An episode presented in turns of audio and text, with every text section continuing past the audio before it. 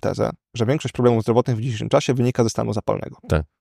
I uważam, że zaburzenia na poziomie takim naszym emocjonalnym również wynikają w dużej mierze z przewlekłego stanu zapalnego w organizmie i z drugiej kwestii, którą jest niedobór składników odżywczych.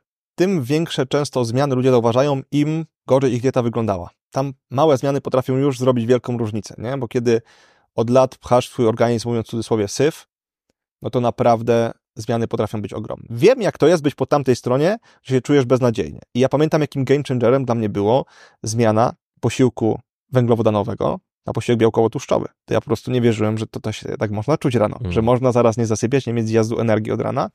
Bardzo prosta rzecz, nie? I teraz no, wiele osób dzisiaj je kanapki na śniadanie po prostu z białego pieczywa. Mm. Pokazuje nam, jak toksycznie to działa. Bo takie osoby mają wielokrotnie zwiększone ryzyko nowotworów, chorób układu sercowo-naczyniowego, Alzheimera, uszkodzeń nerek, uszkodzeń oczu, bo po prostu nadmiar glukozy we krwi działa bardzo toksycznie, dlatego ta glukoza musi być upychana do komórek. Ja faktycznie u kogoś, kto ma dużo problemów zdrowotnych, dużo problemów z układem pokarmowym, gdzieś problem natury mentalnej, najchętniej bym zastosował na, na jakiś czas całkowitą czystkę, jeżeli chodzi o zboża, ale jeżeli ktoś na to nie jest gotowy, to mówię, odstaw pszenicę. W plastikowych butelkach z napojami znajduje się stukrotnie więcej mikroplastiku niż sądzono. Podcast charyzmatyczny. Psychologia w codziennym życiu. Prowadzi psycholog Dawid Straszak. Lubicie kawę? Bo ja lubię. I waszej uwadze chciałem polecić kawę Czarny Owoc z Keto Centrum, który jest partnerem dzisiejszego odcinka. A trzy rzeczy, które wyróżniają Czarny Owoc? Po pierwsze, unikalny, a jednocześnie delikatny smak dzięki połączeniu ziaren z Kolumbii, Brazylii oraz Indii. I gdybym miał bardzo wysublimowane kubki smakowe, to zapewne powiedziałbym, że w kawie wyczuwalne są nuty smaku orzechów, karmelu, miodu oraz czekolady. E, Ale nie mam, więc jestem w stanie to tylko powiedzieć, bazując na tym, co jest napisane na opakowaniu, a sam mówię, że kawa jest po prostu bardzo dobra. I opinię tą również podzielają goście mojego podcastu, których często częstuję nią przed nagraniami. Po drugie, wysoka jakość całego procesu tworzenia kawy, od doboru ziaren po wypalanie czy pakowanie. I między innymi te rzeczy mają wpływ na to, że kawa nie ma goryczy ani nie jest kwaśna. I po trzecie, i najważniejsze, bo wiem, że jesteście ludźmi, którzy dbają o swoje zdrowie, to to, że kawa jest regularnie badana przez niezależne laboratorium pod kątem obecności pleśni, pestycydów i mykotoksyn, w tym najgroźniejszej ochratoksyny A, a obecność tych substancji wpływa negatywnie na nasze zdrowie i samopoczucie. Więc jeżeli kiedykolwiek mieliście taką sytuację, że po wypiciu konkretnej kawy czuliście się źle, to możliwe, że wynikało właśnie to z tego, że znajdowała się w niej jedna lub wszystkie z tych substancji, a czarny owoc jest od nich wolna. No i klasycznie z kodem charyzmatyczny macie 10% zniżki na pierwsze zamówienie kawy Czarny Owoc w ketocentrum.com. Dokładny link znajdziecie w opisie filmu, a ja polecam, no i życzę Wam smacznej kawusi. Zaczynamy podcast. Dzień dobry, dobry wieczór. Moim i Państwa gościem jest Mateusz Ostręga. Cześć. Cześć Dawid, witam widzów. Witam po raz czwarty? Po raz czwarty. Po tak. raz czwarty. E, dla tych e, z Was, którzy Mateusza nie znają, dietetyk, który specjalizuje się w dietach niskowęglowodanowych i stąd też Centrum Dietetyczne, Keto Centrum, pierwsze w Polsce, które, które właśnie w, t- w takim obszarze dietetyki się e, specjalizuje, którego jesteś założycielem i głównym prowadzącym.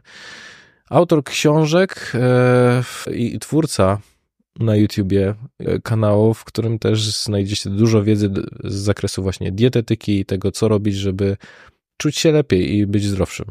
Tak.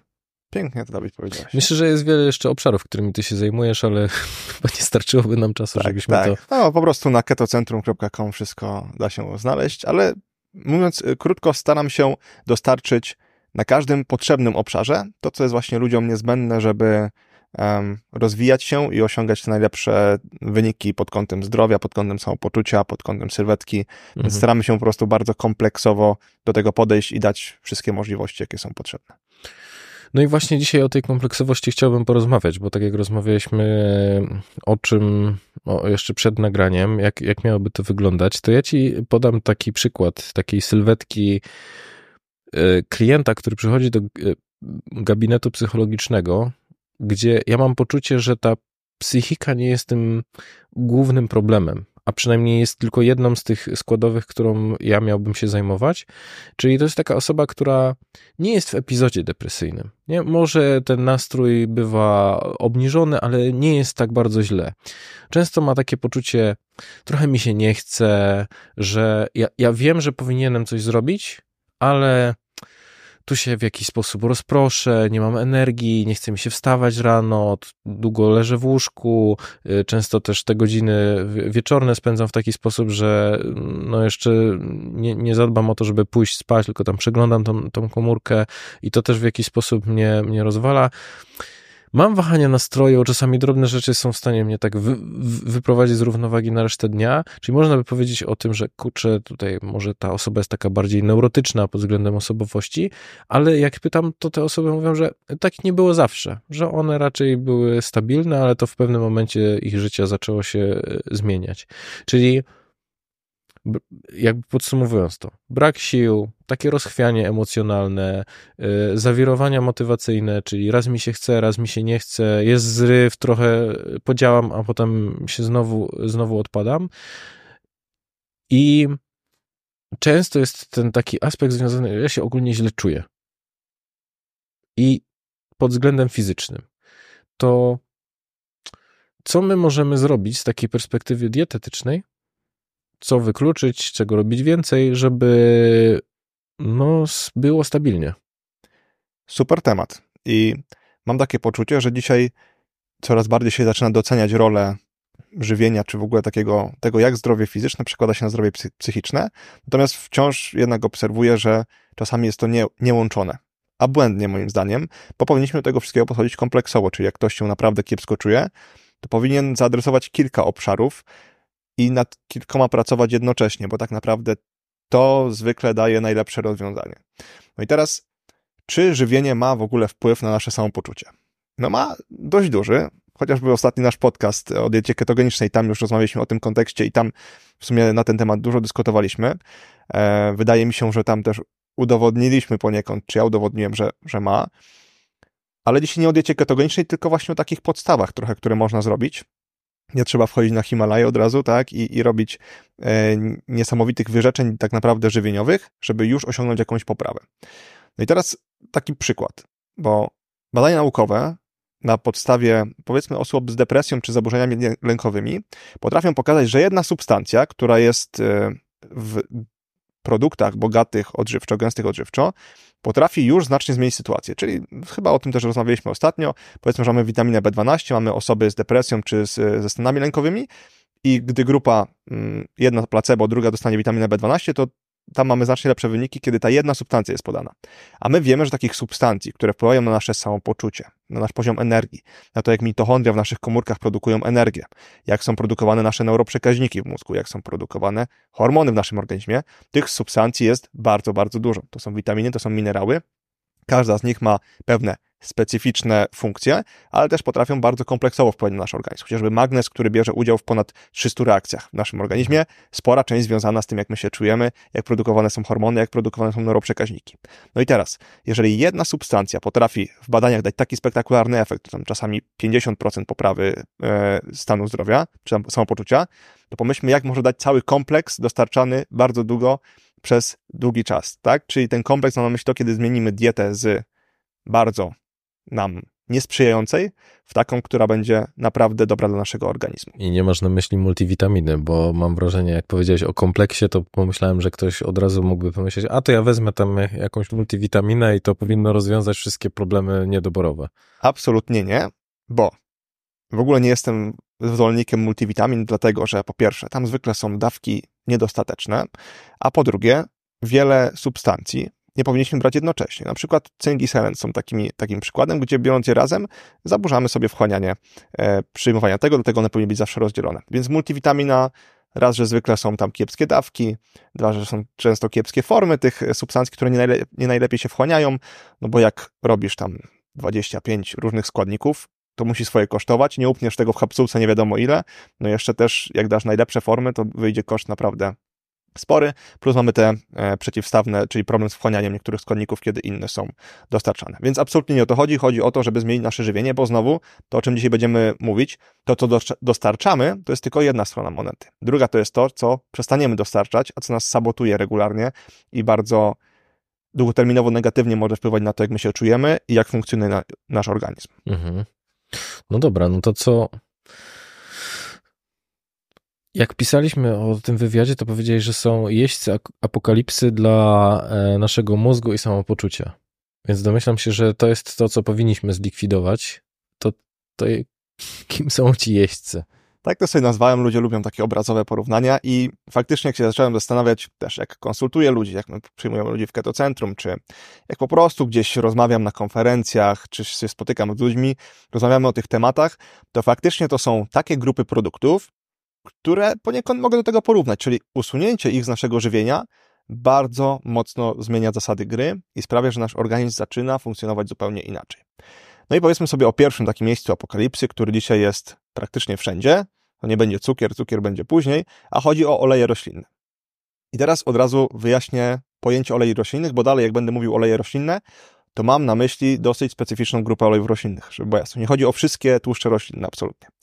Chodzi o rafinowane oleje roślinne, które są dostępne w marketach, plastikowych butelkach, takie jak olej rzepakowy, olej słonecznikowy, e, olej ryżowy, czyli tłuszcze, które zasadniczo dość długo w naszej ewolucji nie występowały, są w naszej diecie od jakichś 100 lat, może 120 lat na powszechną skalę. No i właśnie, ich wpływ na nasze zdrowie nie jest do końca jasny, tak sobie powiedzmy, bo mainstream uważa co innego, a praktyka i liczne badania naukowe pokazują co innego. Więc, kiedy mówię tłuszcze roślinne dzisiaj, w dzisiejszej naszej rozmowie, to nie mam na myśli orzechów, nie mam na myśli oliwy z oliwek, nie mam na myśli oleju lnianego, czyli olejów też tłoczonych na zimno. To są oleje, które jak najbardziej mogą w naszej diecie się pojawiać. Chodzi o rafinowane oleje roślinne. Czyli... Czym jest ta rafinacja? Bo to mi się no właśnie, kojarzy... To jest super pytanie, bo dzieje się tak, że zanim, to nie jest tak, że na przykład, że olej z rzepaku jest po prostu tłoczony i trafia do butelki. Proces mhm. rafinacji jest podzielony na kilka etapów, które mają sprawić, że tam. Bo tłoczenie to znaczy, że zamykamy w kadzi, ciśniemy tak, że z tego wycieka Dokładnie. ten olej. I koniec. Tak. A kiedy mamy procesy rafinacji, to tam dochodzi chociażby do bielenia, czyli pozbawienia koloru tego oleju, znaczy on ma kolor, ale naturalnie by był dużo ciemniejszy, do pozbawienia zapachu i smaku. Przy okazji są usuwane takie cząsteczki, chociażby jak polifenole, które działają przeciwzapalnie, ale one mogą sprawiać, że taki olej szybciej się zepsuje. E, czasami używany jest też heksan, czyli pochodna benzyny do tego, aby wyekstrahować pozostałości, których się nie udało, powiedzmy na zimno, by się nie udało, czyli żeby jeszcze więcej z tego wytłoczyć. Co prawda, z tego co wiem, to w Polsce już od jakiegoś czasu heksanu się nie używa, ale ja nie jestem przekonany, czy nigdy się go nie da znaleźć, biorąc pod uwagę też, jakie dzisiaj zamieszanie, które produkty są transportowane z Polski, czy naprawdę z Polski, które nie do końca, więc tutaj nie jestem przekonany, czy na pewno tego heksanu nie znajdziemy. I co ważne, te procesy rafinacji nie tylko odbywają się często mm, przy użyciu jakichś chemikaliów, ale też w bardzo wysokich temperaturach, dochodzących nawet do 260, czasami do 300 stopni Celsjusza. E, szczególnie te procesy pozbawiania e, zapachu i smaku, jeżeli chodzi o oleje. I to jest problem. I, I już tu w ogóle dochodzimy do takiego sedna problemu olejów tłoczonych, powiedzmy na ciepło, czyli pod wpływem rafinacji, mhm. bo tłuszcze, które mamy w większości produktów roślinnych, to są w większości wielonienasycone kwasy tłuszczowe. Nie wchodząc w zbyt duże terminalia, one mają sporo wiązań podwójnych między łańcuchami węgla, a te wiązania podwójne są bardzo podatne na utlenianie, na rozerwanie i wtedy, kiedy dojdzie do utlenienia, do, do utlenienia takiego wiązania, do, do, do uszkodzenia takiego wiązania utlenia nam się cały kwas tłuszczowy i dochodzi do powstawania tłuszczów trans między innymi, ale też do innych szkodliwych substancji, takich jak aldehydy, ketony czy też kwasy. No już sam fakt, że te oleje, które mamy dostępne w marketach, ale też warto wspomnieć, że nie tylko w butelkach plastikowych, ale też one są dostępne bardzo powszechnie w żywności przetworzonej, prawda? W różnego rodzaju, nie wiem, teraz pójdziesz, sprawdzisz sobie jakieś bułeczki takie z jakimś czekoladowym nadzieniem, tam będą oleje roślinne. Batoniki, tam będą te oleje roślinne. Mhm. Sprawdzisz sobie chipsy, tam będą oleje roślinne. Sprawdzisz sobie nuggetsy, tam będą oleje roślinne. Zasadniczo dość ciężko dzisiaj nie znaleźć produktów takich gotowych, wygodnych, w których nie będzie tych olejów roślinnych. I to zawsze są te oleje roślinne, które są najtańsze i są poddawane rafinacji. Czyli możemy też założyć, że wszystko, co wymaga obróbki termicznej, najprawdopodobniej będzie ten olej w sobie za, za, zawierał, co jest takim gotowym półproduktem. Znaczy Tak. produktem końcowym, nie? Ale Bardzo często tak. Dlatego czytamy składy, no i w większości przypadków znajdziemy tam olej słonecznikowy, olej rzepakowy, e, olej na przykład e, ryżowy, olej sojowy. hmm, Wszystko to są oleje roślinne, które już w procesach rafinacji są w pewnym stopniu utlenione i powstają tam szkodliwe dla nas substancje, które mają działanie mutagenne, kancerogenne, które mogą powodować uszkodzenia DNA, które mogą e, wchodzić w nasze błony komórkowe i powodować też uszko- uszkodzenia wewnątrzkomórkowe. To naprawdę jest gruby temat. Mogą prowadzić do przewlekłego stanu zapalnego, do uszkodzeń naszych tętnic, więc temat em, jest poważny. No i teraz No bo że, że jeszcze tak wrócę, może doprecyzuję, nie? Pamiętam, jak rozmawiałem z Bartkiem Czekałem i on mi mówił, że, że najgorsze, co może się wydarzyć dla mojego zdrowia, to utlenienie się oleju, który spożywam w takim najprostszym, e, naj, najprostszym i, i rozumiem, że to chodzi, dlatego oleje powinny być chronione przed słońcem, żeby Mhm. to się nie wydarzało. Dokładnie, przed słońcem i przed światłem No, i przed temperaturą. No i teraz mi mówisz, że proces wytwarzania takiego oleju roślinnego jest taki, że oni walą 200 stopni, e, żeby móc go wyprodukować i wycisnąć z niego maksymalnie ile się da, bo to rozumiem, że chodzi o efektywność tego, ile się da wycisnąć z tego rzepaku. Żeby tak, i żeby on był dla konsumenta jak najdłużej przydatny i jak najbardziej pożądany. Nie chciałbyś, żeby w twoim oleju większość konsumentów by nie chciała, żeby tam pływały jakieś farfocle, Mhm. żeby on miał intensywny zapach. No nie. Prawda? Ludzie cenią te oleje dlatego, że Okej. są, mają bardzo delikatny smak, praktycznie nie mają zapachu, długo są przydatne, Przydatne. w teorii. Tak. I to wszystko jest zrobione po to. No, więc, więc tak, tam i tutaj już dochodzimy do pierwszego dla mnie absurdu, czyli w momencie, kiedy ja się dowiaduję, że mamy tłuszcz, który ma bardzo dużo wielonienasyconych kwasów tłuszczowych, które są niesamowicie podatne na utlenianie pod wpływem światła czy też temperatury, i że w procesie tego produkcji jest używana temperatura ponad 200 stopni, no to ja od razu sobie zadaję pytanie, ok, no to chyba coś tutaj jest nie do końca ok. No ale wychodzi na to, że mainstream nie chce tak do tego podejść, nie? Jakby cały czas są one zalecane i poniekąd nie rozróżnia się olejów roślinnych na oleje rafinowane i nierafinowane. Czyli po prostu się zaleca powiedzmy spożycie olejów roślinnych. Ja myślę, że poniekąd celowo gdzieś tam kto ma zapłacić, ten płaci, żeby to nie było za bardzo rozróżniane. Na przykład ostatnio się dowiedziałem, że tłuszcze trans, bo może y, inaczej to zacznę, w produktach zwierzęcych, szczególnie w nabiale zwierzęcym, mamy naturalne tłuszcze trans. I te tłuszcze transnaturalne, jak pokazują badania, mają bardzo pozytywny wpływ na zdrowie. To, co powstaje w produktach roślinnych po utlenieniu, to m.in. tłuszcze trans. I to, co Bartek ci powiedział, pozdrawiam Bartka, to właśnie tłuszcze trans, ale też inne substancje, które powstają, mają naprawdę niesamowicie negatywny wpływ na zdrowie, kancerogenny, prozapalny. Mhm. I oficjalne zalecenia od kilku lat nagle zrównały te tłuszcze trans zwierzęce i roślinne i po prostu każą unikać jednych i drugich tak samo, nie rozróżniając, że te z masła czy z mleka mogą działać bardzo prozdrowotnie dla ciebie, a te z produktów pochodzenia roślinnego, utlenionych olejów roślinnych mogą działać negatywnie. No więc te oficjalne zalecenia są dla mnie czasem dziwne po prostu. Nie do końca je rozumiem, mówiąc wprost. Takie nie, mam wrażenie, że nieaktualne, że tam jest dużo takiej biurokracji i ona utyka. Tak, tak. I, I że czasami może gdyby ktoś chciał zmienić te zalecenia pod kątem tego, co faktycznie aktualnie się dzieje w literaturze naukowej, to jakieś większe instytucje, które finansują często te instytucje zdrowotne, mogłyby mieć jakieś ale. Nie? No dobra, wchodzimy w takie w teorie spiskowe, ale, ale jest jak jest, nie? nie? Nie boję się o tym mówić. No więc tutaj pojawia się taki problem, że tak naprawdę pełne spektrum działania olejów roślinnych utlenionych nie jest nam do końca znane. Wiem, że jest bardzo negatywne, ale tak jak rozmawialiśmy sobie wcześniej, jeszcze przed podcastem, statystyki pokazują, że one zaczęły być produkowane na masową skalę od około 1910 roku. Widziałeś ten wykres, wysyłałem ci, jak Mhm. to nagle wzrosło. Ciężko nawet mi oszacować, ile procent więcej my dzisiaj jej spożywamy, ale y, trafiłem na dane, które pokazują, że wynika z tego mniej więcej, że 100 lat temu Amerykanin zjadał 0 gramów olejów y, roślinnych, jeżeli chodzi o takie rafinowane oleje. Dzisiaj zjada 80 gramów dziennie. 80 gramów dziennie olejów roślinnych, no to jest zasadniczo tyle, co czasami po prostu zajmuje nam dzienna dawka olejów, w ogóle olejów w diecie, tak? Tłuszczu w diecie. Mhm. Biorąc pod uwagę makro, jak ludzie jedzą, to czasami zjadają właśnie 70-100 gramów tłuszczu na dzień. Czyli 9 kilokalorii to jest 1 gram tłuszczu, czyli tu mamy 700 Mhm. kilokalorii. Okej. Tak. Tak, no więc ile tam jest tłuszczów trans, ile tam jest aldehydów, ketonów, nie tych ketonów, które są na diecie ketogenicznej, tylko ketonów, które powstają między innymi podczas procesów utleniania, które są bardzo szkodliwe, czy też kwasów, ciężko to w ogóle przewidzieć. To w dużej mierze jest dostarczane z żywności przetworzonej. Nie tak, że ci ludzie piją tam szklankami ten olej, tylko wiadomo, w Ameryce jeszcze, jak mówimy o średniej, no to bierzemy pod uwagę sporo społeczeństwa, które je duże ilości żywności przetworzonej, a tam wszędzie są duże ilości tych utlenionych olejów roślinnych. Mhm. No dobra. Czyli jak to wpływa na, powiedziałeś o takich kwestiach związanych z, no, z naszym zdrowiem, nie? Czyli, a jak to wpływa na nasz nastrój, jeżeli te oleje roślinne pojawiają się w naszej diecie? No bo rozumiem, że to, to, tą puentą tego, tej wypowiedzi jest to, że no, należy ich po prostu unikać i żeby on, i się wystrzegać.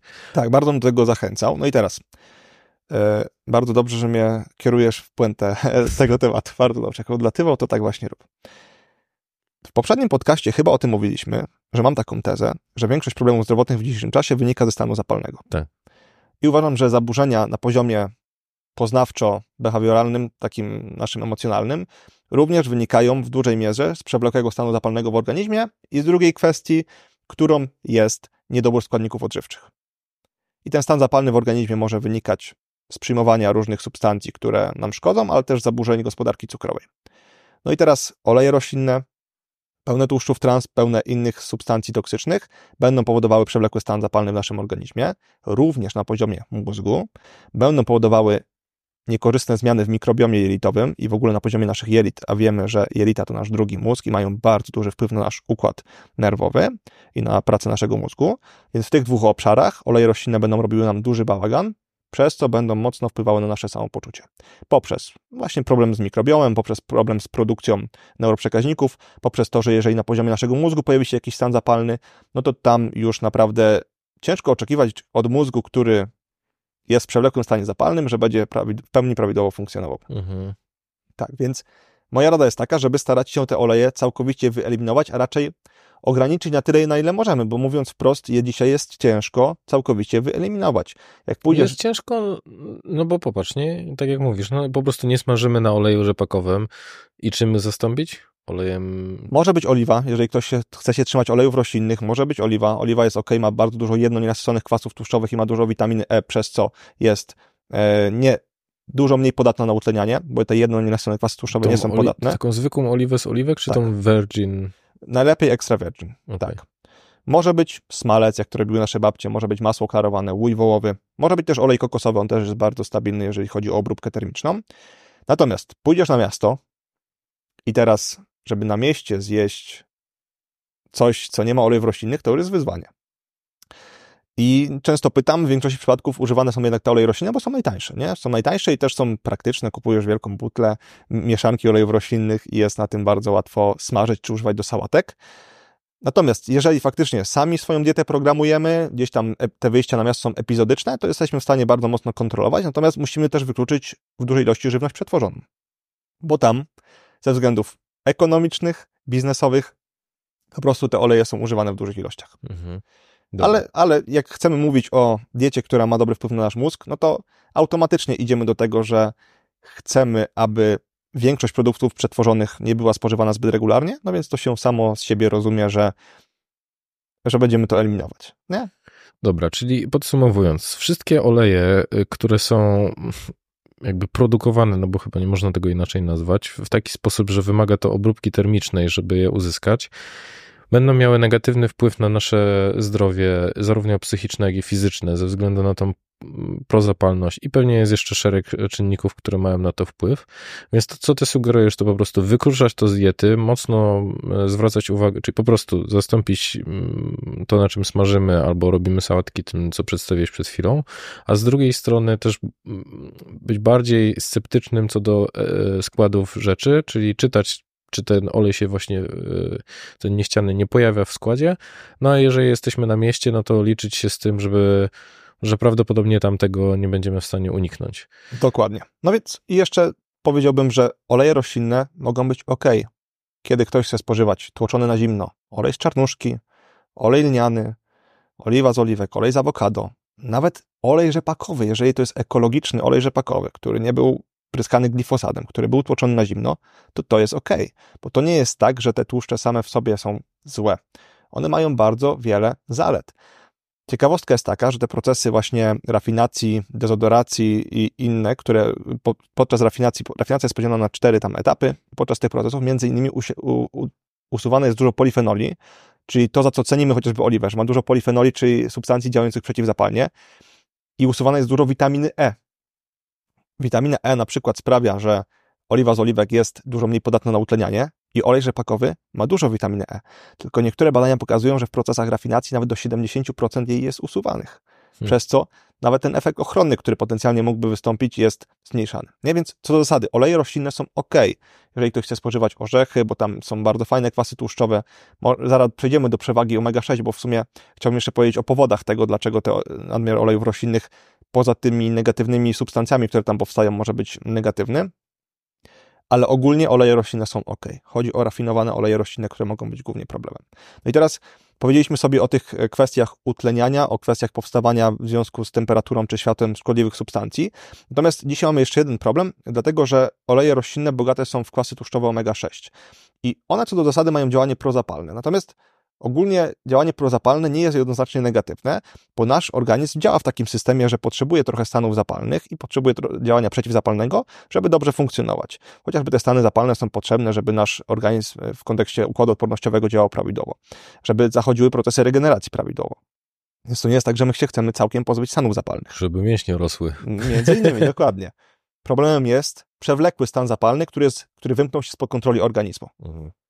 I teraz Przewaga kwasów tłuszczowych omega-6 w diecie i niedobór kwasów tłuszczowych omega-3 jest czymś, co sprzyja takiej sytuacji. Szczególnie... Czyli omega-3 to jest ten dobry, omega-6 to jest ten zły. W takim ba bardzo dużym... Bardzo dużym uproszczeniu, bo oczywiście my tych omega-6 potrzebujemy. To są, w nazwie to są niezbędne, nienasycone kwasy tłuszczowe.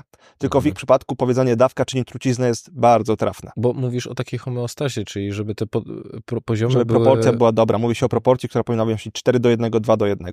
Dzisiaj bardzo często jest w sensie... omega-6 do omega-3. Czyli, Czyli 4, 4 razy więcej omega-6 okay. niż omega-3. Dzisiaj czasami jest 60-krotnie więcej. Mhm. Więc wyobraźmy mhm. sobie, co się w naszym organizmie może okay. w takiej sytuacji dziać. Więc tak, dlatego nawet nie przesadzałbym z tymi olejami roślinnymi bogatymi w omega-6 w momencie, kiedy są one e, tłoczone na zimno.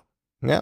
Można sobie spożywać jedną, dwie łyżki, trzy, pięć różnych olejów, ale postawmy na oliwę z oliwek, awokado, tam są jednonienasycone kwasy tłuszczowe, jest bardzo mało omega-6, i oczywiście, jeżeli ktoś chce, to też na tłuszcze nasycone, z którymi nie ma żadnego problemu, jeżeli nie mamy poszczególnych wariacji genetycznych, gdzie może to faktycznie zwiększać nasze ryzyko chorób sercowo-naczyniowych. Mhm, dobra. I jeszcze bym przytoczył jedną ciekawostkę z takiej bardzo fajnej książki DNA żywienia.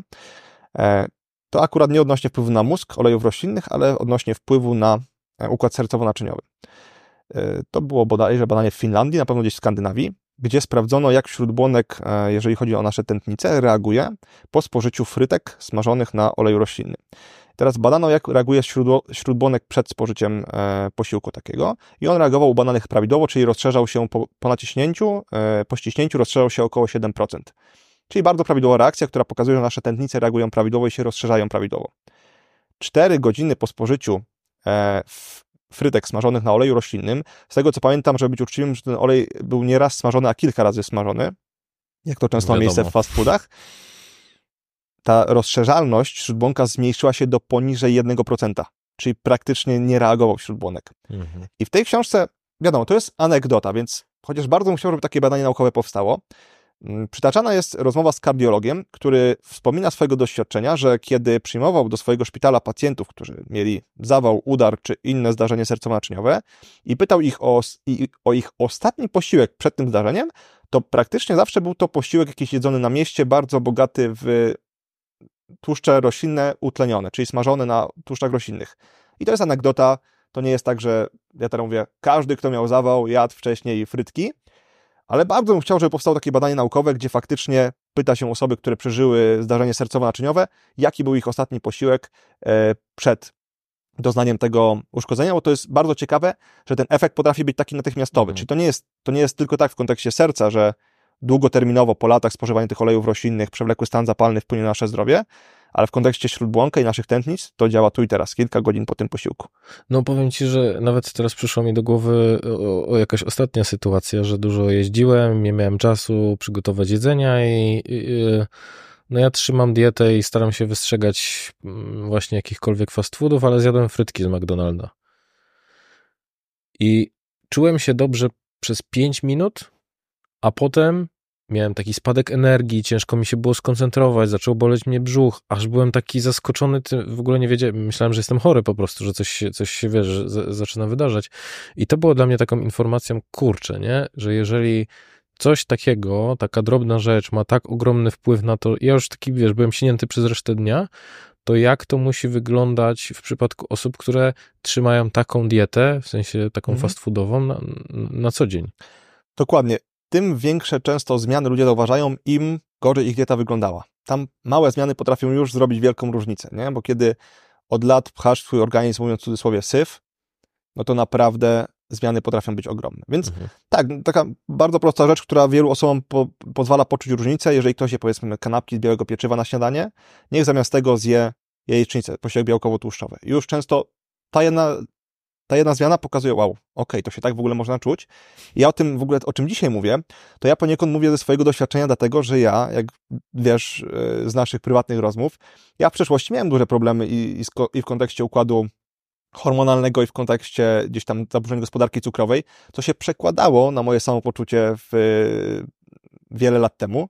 Ja sam z tego wyszedłem poprzez te zmiany, o których mhm. dzisiaj mówię. Nie? Więc ja wiem, jak to jest być po tamtej stronie, że się czujesz beznadziejnie. I ja pamiętam, jakim game changerem dla mnie było zmiana posiłku węglowodanowego na posiłek białkowo-tłuszczowy. To ja po prostu nie wierzyłem, że to, to się tak można czuć rano, mhm. że można zaraz nie zasypiać, nie mieć zjazdu energii od rana. Bardzo prosta rzecz, nie? I teraz no, wiele osób dzisiaj je kanapki na śniadanie po prostu z białego pieczywa. Mm.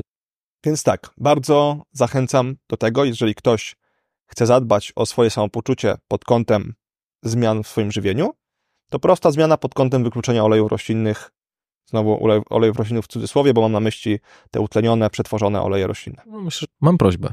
Jeżeli mój podcast w jakikolwiek sposób Ci pomógł, to chciałem Cię prosić o przysługę. Jeżeli oglądasz go na YouTubie, to będę wdzięczny za subskrypcję, komentarz lub łapkę w górę. Jeżeli słuchasz na Spotify, to za ocenę podcastu lub obserwowanie. Dla ciebie to dosłownie chwila, a mi pomoże docierać do coraz większej grupy osób i być może trafić do kogoś, kto akurat tego materiału potrzebuje oraz prężniej rozwijać ten projekt. Z góry dziękuję że to już wybrzmiało konkretnie. Y, spotkałem się też z takim stwierdzeniem, że teraz y, y, problemem, z którym się mierzymy ze względu na, na tą epidemię otyłości, może ona jeszcze nie jest u nas tak widoczna, ale na świecie powoli się rozwija, są, jest dwóch zawodników. Tłuszcze, czyli myślę, że to, co teraz umówiliśmy, a z drugiej strony to cukier. No więc przejdźmy do tego drugiego jeźdźca. Tak, zdecydowanie. Zdecydowanie. I teraz, żeby była jasność, chociaż może osób, dużo osób, które mnie już zna, będzie zaskoczonych, ale ja nie uważam, że cukier jest zły sam w sobie. Czyli to nie jest tak, że każda dawka cukru sprawia, że my jesteśmy jeżeli, w gorszej pozycji, jeżeli chodzi o zdrowie i gdzieś tam prowadzi nas w ciemność. Uważam, że szczególnie osoby aktywne mogą spożywać nawet sporo cukru. Na przykład z owoców czy z dobrych źródeł węglowodanów. To, co dzisiaj widzę, że jest problemem, to jest dysproporcja pomiędzy aktywnością fizycznym i, fizyczną i spożywanym tego węglowodanami czy cukrem. Bo zasada jest prosta. Im mamy więcej aktywności fizycznej, im mamy też więcej mięśni, im jesteśmy lepsi, zdrowsi metabolicznie, tym więcej węglowodanów możemy jeść. Im mamy bardziej świecący tryb życia, tym mniej tych węglowodanów możemy zdrowo zjadać. Więc to nie jest tak, że cukier jest zły. Złe jest używanie cukru w dzisiejszych czasach i to, że po prostu spożywamy go z nieodpowiednich źródeł i spożywamy go zbyt dużo względem tego, jak wygląda nasz, nasz styl życia. Tak bym to powiedział. Nasze zapotrzebowanie kaloryczne, nie? Dokładnie, dokładnie. I teraz, jeżeli chodzi o to, co się przyczynia do tego, że my się źle czujemy, jak już powiedziałem, jest przewlekły stan zapalny w organizmie i ten przewlekły stan zapalny może być albo wywołany tym, co spożywamy, może być wywołany niedoborem składników odżywczych dodatkowo i może być wywołany zaburzeniem, zaburzeniami gospodarki cukrowej, zaburzeniami metabolicznymi. No i to, do czego będzie prowadził nas do czego będzie prowadziło nas spożywanie dużych ilości węglowodanów, cukru przy małej aktywności fizycznej, to będzie właśnie, to będą właśnie zaburzenia gospodarki cukrowej. Jak pokazują dane z Ameryki, znowu, myślę, że nie można ich przełożyć jeden do jednego do, na Pol do Polski, ale nawet 88% społeczeństwa jest niezdrowa metabolicznie w Ameryce. Czyli 12% jest zdrowa metabolicznie. To jest kosmos. To jest kosmos po prostu. Tam w tych badaniach brano pod uwagę takie czynniki, jak czy ktoś ma nadciśnienie, czy ktoś ma, e, czy ktoś ma wyższą insulinę, czy ktoś e, bierze właśnie jakieś leki na glukozę, różne czynniki, bo bardzo często w medycynie mm, nie bierze się do końca pod uwagę tego, czym są zaburzenia metaboliczne. Czyli często traktuje się, że kiedy dopiero ktoś ma stwierdzoną insulinoporność, kiedy ktoś ma stwierdzoną cukrzycę, to wtedy są zaburzenia metaboliczne. Mhm. Ale my dzisiaj wiemy, że praktycznie nie ma możliwości mieć nadciśnienia czy też nadwagi, jeżeli nie masz insulinoporności, jeżeli nie masz zaburzeń metabolicznych. I kiedy zbadamy takie obszary właśnie w Ameryce, takie były statystyki badane, weźmiemy osoby z nadwagą i otyłością, weźmiemy osoby z nadciśnieniem, weźmiemy osoby z insulinopornością, cukrzycą, to wychodzi nam, że nawet 88% społeczeństwa tam ma zaburzenia gospodarki cukrowej, czy jest niezdrowa metabolicznie. Czyli w ich organizmie zasadniczo przewlekle trwa stan zapalny, który wypchnął się spod kontroli. No i czy w takim, czy, czy u takich osób, powiedzmy, że w Polsce jest tego prawdopodobnie mniej, nie znam statystyk z Polski, ale wiem, że dużo osób ma otyłość, dużo osób ma nadwagę, podejrzewam, że możemy być jakieś 10% za Ameryką, może 15%. Mm. Czy dla takiej dużej grupy osób faktycznie dieta bogata w cukry proste jest dobrym rozwiązaniem? No, no nie. 88%. Tak. Jest niesamowite. I dla mnie to jest w ogóle przykład też, jeżeli mówimy o różnych dzisiejszych zaleceniach żywieniowych, które są robione na podstawie badań epidemiologicznych. Bartek był tu parę razy, to już chyba każdy wie dokładnie, czym są badania epidemiologiczne i dlaczego nie są najbardziej wartościowe. I teraz, jeżeli my mamy badania epidemiologiczne, które są przeprowadzane na całym społeczeństwie z wykluczeniem najbardziej chorych, i w tej grupie, powiedzmy, którą mamy, 70% jest chora metabolicznie. Jak wiemy, ma to, ma to wpływ na cały organizm. To jak my z takich badań możemy jakiekolwiek wnioski wyciągać co do tego, co na nas wpływa dobrze, a co na nas wpływa źle, skoro ta grupa zakłamuje wyniki, nie? bo nie jest, jakby to nie jest czysty, nie zdrowy organizm. Ufać, tak, no. więc, no więc to jest ciekawy aspekt. Także nadmierne spożycie cukru z kiepskich źródeł, czyli przede wszystkim żywności przetworzonej, żywności wygodnej, z szybko dostępnych źródeł cukru, no nie jest dobrym rozwiązaniem. Duża ilość posiłków, bogatych w cukier, dzisiaj wiele osób 5 posiłków, 6 posiłków, a jak zliczyć przekąski, które zjada, to może i 10. Bardzo negatywny wpływ na nasz organizm poprzez rozwalenie gospodarki cukrowej i w konsekwencji tego przewlekły stan zapalny w naszym organizmie. Mhm. Nawet dzisiaj, nie? idąc do, żabki po wodę na, na do dzisiejszego programu, godzina 8 rano, mężczyzna przede mną, no nie wiem, dwadzieścia kilka lat, a może czterdzieści, ciężko powiedzieć. E, nigdy nie umiem tego ocenić. Lekka otyłość i na śniadanie w żabce kupował e, napój energetyczny, taką kanapkę przecenioną, więc pewnie z dnia poprzedniego, plus batonik. Pomyślałem, kurczę, no to to jest... Jak? Ile tam jest cukru, nie? W tym Jesteś w stanie sobie wyobrazić, jak się będziesz czuł po takim posiłku? No myślę, że przez 5 minut jakoś będzie dobrze. Lekka euforia dopaminowa na pewno. A potem jak z tymi frytkami, nie? Tak, że... tak. I mam akurat żabkę blisko e, domu. Często jak wychodzę z Syriuszem, z psem na spacer, to ją mijam.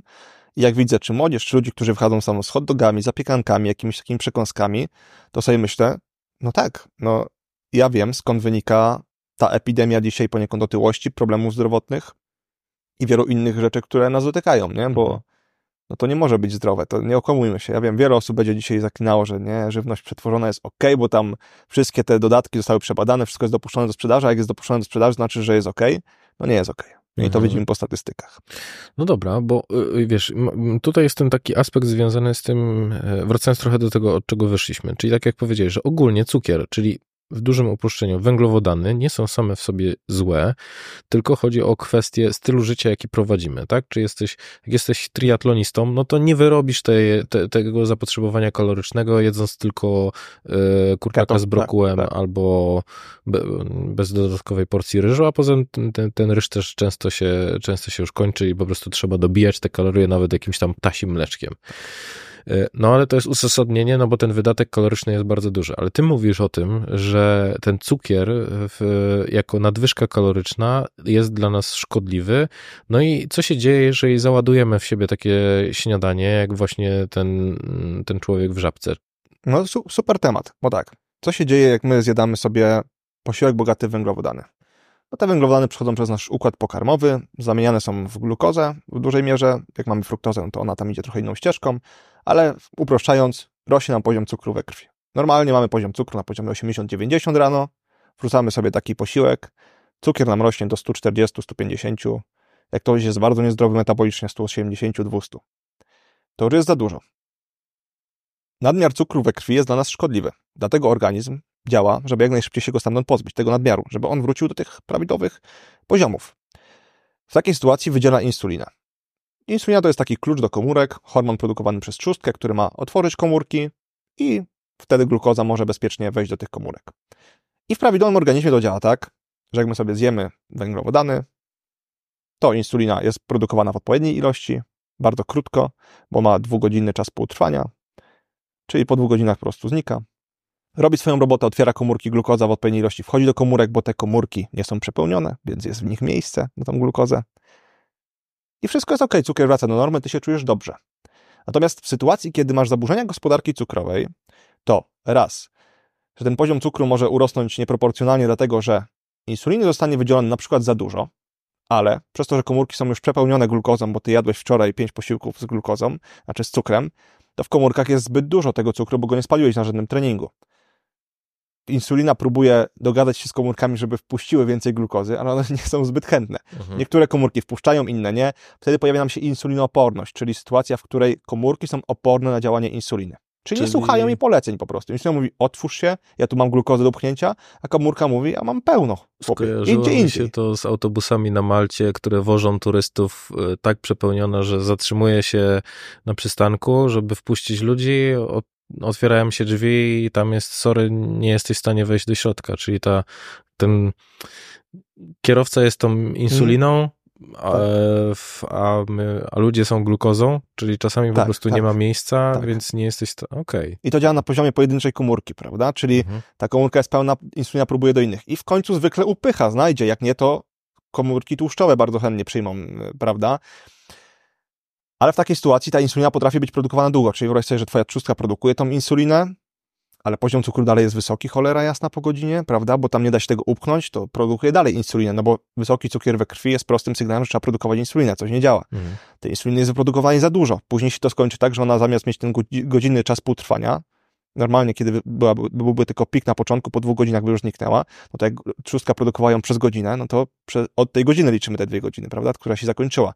Więc później nagle tego cukru może być zbyt dużo upchnięte do komórek, dojdzie do hipoglikemii, czyli spadku cukru we krwi, poniżej powiedzmy 60 i wtedy się czujesz fatalnie, nie? Więc niektórzy doświadczają hipoglikemii, inni nie, to różnie działa. Natomiast tych zaburzeń gospodarki cukrowej mamy bardzo w różnych wersjach to może przebiegać. Czyli może być bardzo wysoki cukier po posiłku, bardzo dużo insuliny, może być tak, że tej insuliny jest produkowane dosyć mało, ale jest problem z cukrem, czyli są bardzo wiele wariacji. Najłatwiej to zbadać na, na e, podstawie krzywej glukozowo-insulinowej, czyli idziesz do laboratorium, albo pijesz roztwór glukozy, albo zjadasz posiłek, który ma 75 gram e, glukozy, no i badasz insulinę i glukozę przed tym posiłkiem, 30 minut po najlepiej, godzinę po, dwie godziny po, i wtedy widzisz dokładnie, jaka jest relacja, co się dzieje. I naprawdę na podstawie, to jest super badanie dla osób, które mają problemy z gospodarką cukrową, u której podejrzewam takie problemy. Mhm. I powiem Ci, że już widziałem wszystkie możliwe wariacje. Czyli u kogoś już na czczo widać, że są problemy. U kogoś na czczo jest idealnie, godzinę po posiłku jest super, a dwie godziny po posiłku zaczyna się cyrk, czyli nagle dopiero dwie godziny po posiłku jest bardzo wysoka insulina i, i niski cukier, nie? czyli tam w ogóle super późno dochodzi do wydzielania odpowiedniej ilości insuliny. U innych już znaczko jest bardzo wysoki i poziom glukozy i insuliny, czyli tutaj mogą być różne wariacje, ale wszystko to, to są problemy z gospodarką cukrową. Nie? Na jakimkolwiek etapie wyjdą nam nieprawidłowe parametry, to uznajemy, że to są problemy z gospodarką cukrową. I taka insulinooporność, nieleczona, zlekceważona, siłą rzeczy będzie prowadziła do cukrzycy typu drugiego. Czyli już bardzo poważnej choroby, w której organizm nie jest w stanie tego cukru z krwi upchać gdziekolwiek. I ten cukier przewlekle jest podniesiony. I teraz to, jak dużo różnych chorób, zwiększone ryzyko różnych chorób mają osoby z cukrzycą typu drugiego, pokazuje nam, jak toksycznie to działa. Bo takie osoby mają wielokrotnie zwiększone ryzyko nowotworów, chorób układu sercowo-naczyniowego, Alzheimera, uszkodzeń nerek, uszkodzeń oczu, bo po prostu nadmiar glukozy we krwi działa bardzo toksycznie, dlatego ta glukoza musi być upychana do komórek. Więc w momencie, kiedy my zlekceważymy zaburzenia metaboliczne u nas, które już wcześniej mogą chociażby senność po posiłku węglowodanowym, taki wczesny sygnał. Ogólnie to, że my się po tych posiłkach tak czujemy nie za, nie za dobrze, nie? Nie za dobrze, że możemy nie mieć takiego zjazdu, żeby iść spać, ale cały dzień mamy taką średnią energię, nie? Jeżeli to zlekceważymy, to jest bardzo prawdopodobne, że po latach dojdzie do cukrzycy typu drugiego, która jest No. odwracalna, ale jest już poważna. Insulinoporność nieleczona praktycznie zawsze będzie ewoluowała w cukrzycę typu drugiego. Hmm. Więc to nie są żarty, nie? To nie jest tak, że dzisiaj się czujesz kiepsko. Nie mówię, że wiesz, jeżeli ktoś się zatrzyma na jakimś etapie, nie będzie coraz więcej jadł, to, to jest szansa, że to się na tych zaburzeniach metabolicznych utrzyma po prostu, nie, nie dojdzie w końcu tej cukrzycy. Ale to jest prosta droga, nie? I, i, i, I już na tej drodze ta osoba jest. Nie musi tam dojść, ale ryzyko jest zawsze większe niż u osoby zdrowej metabolicznie. Dobra, to jeszcze kilka rzeczy, bo często na etykietach jest napisane węglowodany, w tym cukry. Mhm. Co to znaczy? Gdzie jest to rozróżnienie? Tak, możemy, mamy węglowodany złożone i węglowodany proste. I Mhm. węglowodany złożone są wolniej wchłanialne. Czyli po jedzeniu 100 gramów węglowodanów złożonych, twój poziom cukru we krwi będzie rósł wolniej, dlatego że one wolniej idą przez układ pokarmowy i są uwalniane stopniowo. Jak zjesz cukry proste, to one bardzo szybko przechodzą przez układ pokarmowy, przez to szybko trafiają do naszego krwiobiegu. Dobra, a co jakbyś na przykładach powiedział? Co to? Czyli na przykład kasza gryczana to są węglowodany złożone w dużej mierze, Mhm. w związku z czym ona się dłużej trawi i ten poziom cukru będzie uwalniany stop... Cukier będzie przechodził e, z, je, z układu pokarmowego do krwi wolniej, przez to ten wzrost cukru będzie stabilniejszy. Jak sobie zjemy cukier, sacharozę, Mhm.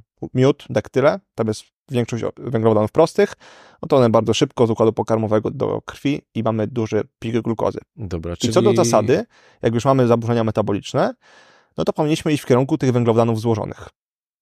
Tutaj mamy jeszcze jedną rzecz, czyli indeks glikemiczny. Indeks glikemiczny to jest właśnie przebadanie tego, jak bardzo wzrośnie nam poziom cukru i jak szybko on wzrośnie po spożyciu 50, 50 gramów węglowodanów z danego produktu. Czyli czysta glukoza ma indeks glikemiczny 100, czyli największy wzrost i najszybszy wzrost glukozy po czymkolwiek. Pszenica ma około, żebym cię teraz nie skłamał, bodajże 68. Albo 65, a sacharoza ma, tak, a sacharoza ma 68. Albo odwrotnie. W każdym razie są bardzo blisko siebie, jeżeli chodzi o czysty cukier. Sacharoza to jest czysty cukier z cukierniczki. I chleb pszenny na przykład mają bardzo podobny indeks glikemiczny, Co co oznacza, że po nich mniej więcej to zachowanie naszej glikemii będzie podobne. I tak trochę płynnie przechodzimy do tematu pszenicy, bo on się wiąże poniekąd, nie? Czyli poczekaj, czyli węglowodany złożone to jest taka tabletka do ssania, czyli Mhm. po trochu się... Spowolnio- spowolnionym uwalnianiem. Spowolnione uwalnianie. tak. A y, węglowodany proste, czyli, czyli, czyli ten cukier z cukierniczki, to jest po prostu zastrzyk prosto do żyły. Tak, można tak to uproszczeniu powiedzieć, dokładnie. I rozumiem, że y, to ten, ten I teraz wniosek... pro, produkty, y, jeszcze żeby dopowiedzieć, mogą mieć właśnie miks, nie? Czyli taka kasza ma też trochę węglowodanów prostych, ale w większości są to węglowodany złożone. Czyli te cukry na tej etykiecie to są węglowodany Tak. proste. Tak. Okej. Czyli tego mamy się wystrzegać i tego powinno być jak najmniej. U osoby nieaktywnej fizycznie, tak, bo znowu przed treningiem, kurde, rewelacja, zjeść daktyle czy miód. Nawet na diecie keto, prawda? Więc znowu, ten cukier prosty, znowu też w owocach mamy dużo cukrów prostych, ale jak sobie jesz jabłko, to masz tam skórkę, która ma dużo błonnika, który spowalnia uwalnianie tych cukrów prostych. Mhm. Więc właśnie poza tym, jakie tam są cukry same w sobie, to jeszcze ma znaczenie to, co idzie, że tak powiem, w, razem w opakowaniu. Jaka nie? jest kolejność też, tak, nie? tak, tak. I, i, I chociażby ten właśnie błonnik ze skórki spowalnia uwalnianie tego cukru, przez co będzie inna reakcja, jak wypijemy taką samą ilość wody z cukrem e, z cukierniczki, a zjemy jabłko i powiedzmy tu i tu będzie 50 gramów węglowodanów. I tu i, tutaj, tu i tu są cukry proste głównie, ale reakcja będzie inna chociażby przez ten błonnik. No w Dobra. jabłku też jest fruktoza, to już takie szczegóły, ale wiesz, chodzi mi o takie uproszczenie, uproszczone porównanie. Mhm. Czyli z jednej strony, no bo tak zupełnie inaczej się będziemy czuli, jak zjemy ciastko, a zupełnie inaczej, jak zjemy ciastko po pełnowartościowym posiłku. Yy, w- Tak, Dobrze tak, tak zbilansowane. powinno być. Chociaż bardzo często e, może, mo, bo to jest ładunek glikemiczny. Czyli jak tutaj powiedzieliśmy sobie o indeksie glikemicznym, czyli to, ile dany produkt ma. I teraz ładunek glikemiczny wynika z tego, właśnie czym opakujesz e, dany produkt węglowodanowy. Mhm. Czyli jeżeli ty dołożysz sobie do nawet tej pszennej kaj, kajzerki łyżkę oliwy, to już spada ładunek glikemiczny całego dania, które zjadasz, przez co spowolni się uwalnianie tego cukru. Tak. mhm. Więc Co do zasady tak, ale ogólnie nie chciałbym, żeby ktoś wyciągnął wniosek, ok, czyli mogę jeść ciastka, ale jak będę jadł je do obiadu, a nie jak będę jadł osobno, bo zasadniczo uważam, że to nie robi aż tak dużej różnicy. Bo ostatecznie, jeżeli dojdzie do przeładowania glukozy i w ogóle przeładowania kalorycznego, czyli jeżeli ktoś będzie po prostu zjadał tysiąc więcej kilokalorii niż powinien, to to nie ma aż takiego znaczenia, czy on to zje osobno, czy on to zje razem, to nie ma znaczenia, nie? Więc te ciastka to bym jednak bardzo okazjonalnie zjadał, najlepiej upiekł jakieś zdrowe ciasto, nie wiem, na kaszy gryczanej, czy na mące gryczanej z, z erytrolem, prawda, może, może w, w tym kierunku. Mhm, dobra. A ksylitol jako Też okej, zastęp- jak najbardziej, jak najbardziej okej. Forma- Erytrol, ksylitol, stevia też będzie okej. Dobra, czyli y, jeszcze wróćmy do tego aspektu związanego z samopoczuciem. Czyli ja ładuję tego energy drinka, tą bułkę pszenną i batonik jeszcze na, na, na deser w śniadaniu, to jak ja się będę czuł? Bo rozumiem, że e, to, czego ja często doświadczałem przy węglowodanowych y, śniadaniach, to po prostu był taki wyskok, że czułem się taki podniec, podniecony, a potem, znaczy podniecony, no w sensie taki rozbudzony, wystrzał, który nie trwał długo i zaczynał się taki gwałtowny spadek z taką ospałością, z problemem z koncentracją, z takim nie chce mi się. Dosłownie nie? możesz liniowo wyobrazić sobie twój poziom cukru, jak opisujesz to działanie, prawda? Czyli Mhm. wyskok, wystrzał e, glukozy po posiłku i potem stopniowy zjazd prawdopodobnie poniżej tej normy, którą miałeś na czczo, Mhm. w związku z czym czujesz się ospały, zmęczony.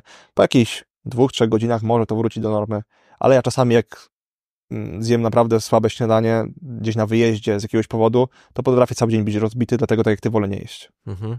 Więc ja to obserwowałem, pamiętam u dzieci, e, gdzieś tam na przykład na świętach rodzinnych, że dostaną te słodycze, o które prosiły. Po tych słodyczach jest po prostu 30 minut jazda, roznoszą całą chatę, a potem stają się marudne, płaczliwe, rozdrażnione.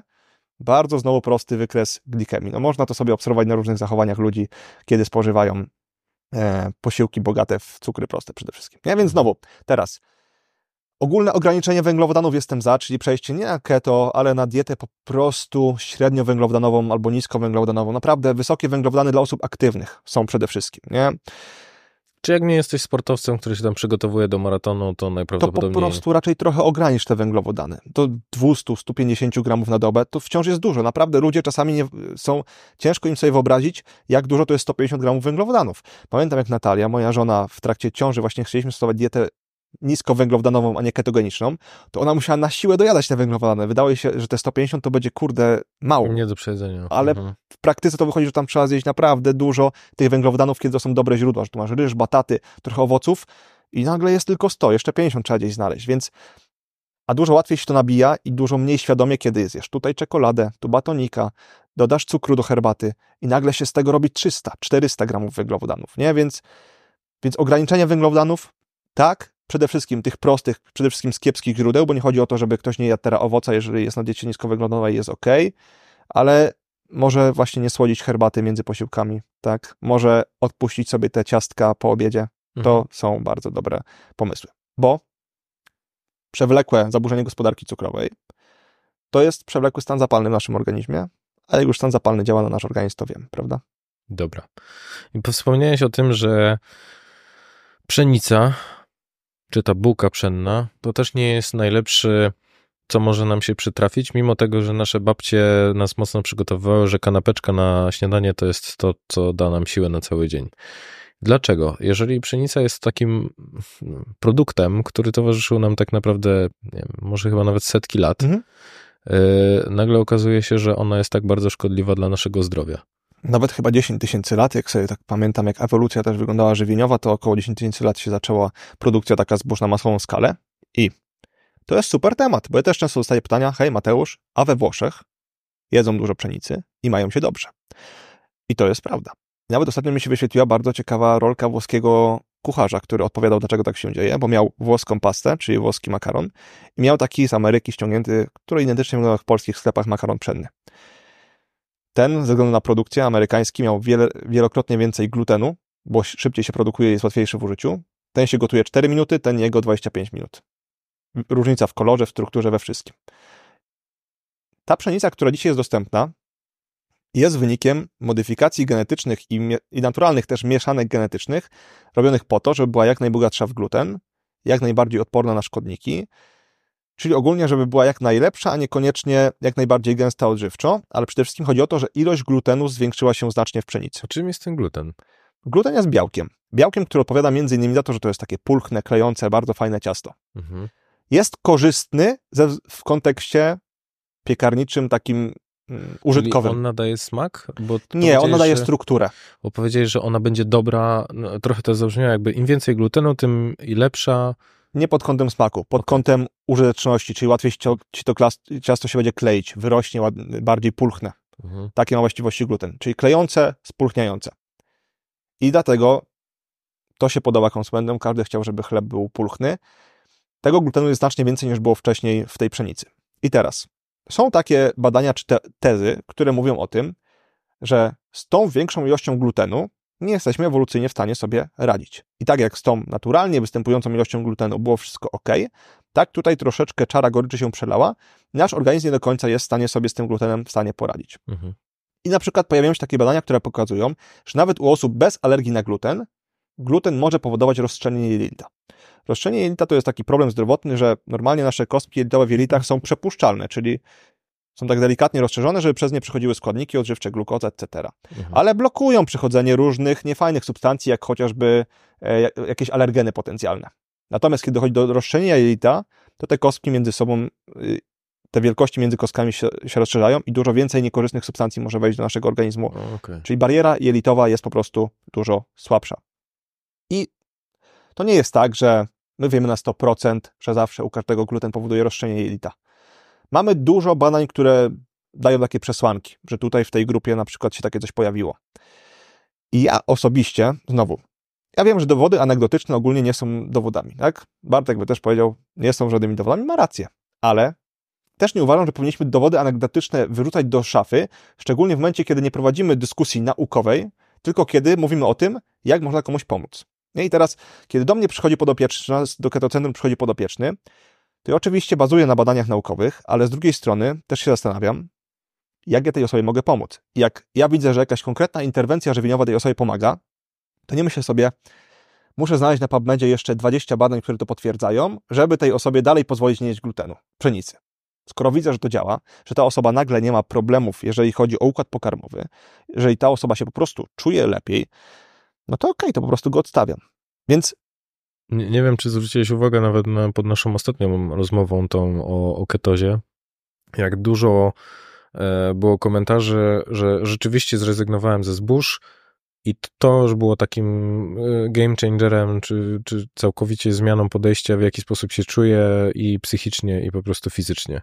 Tak. Więc myślę, że e, no gdzieś podświadomie ludzie czują, co im, że czasami potrzebujemy takiej rady, wiesz, odstaw ten chleb, nie? I Tak. zobaczysz, co się wydarzy.